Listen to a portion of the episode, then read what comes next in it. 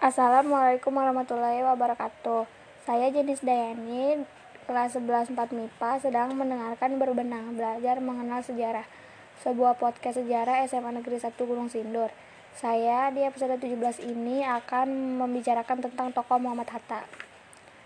Muhammad Hatta, populer sebagai Bung Hatta, lahir dengan nama Muhammad Attar di Fort de Kock, Hindia Belanda, 12 Agustus 1902 meninggal di Jakarta 14 Maret 1980 pada umur 77 tahun.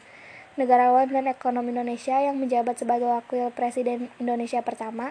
Ia bersama Soekarno memainkan peranan sentral dalam perjuangan kemerdekaan Indonesia dari penjajahan Belanda sekaligus memproklamirkannya pada 17 Agustus 1945. Muhammad Hatta kecil tumbuh di bawah pengasuhan ibunya Siti Solehah. Saat ia berusia 8 bulan, ayahnya Bapak Haji Muhammad Jamin pun meninggal. Ketertarikan beliau telah terlihat semenjak ia duduk di sekolah menengah pertama. Saat itu Muhammad Hatta memilih bergabung dan menjabat sebagai bendahara di Perserikatan Jong Sumatera Bon. Kecerdasan dan ketelitiannya membuat ia peka terhadap hukum dan isu politik yang beredar di Indonesia saat itu.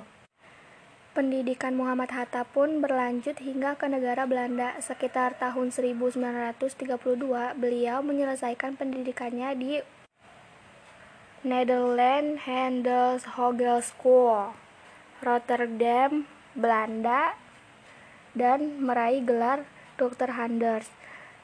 Selang beberapa waktu, Indische Vereniging pun merubah nama menjadi Perhimpunan Indonesia. Pengaruh PI yang kian masif membuatnya diakui sebagai pos depan pergerakan nasional di wilayah Eropa. Konferensi terkait permasalahan buruh hingga konferensi Irga Wanita untuk perdamaian dan kebebasan di Swiss.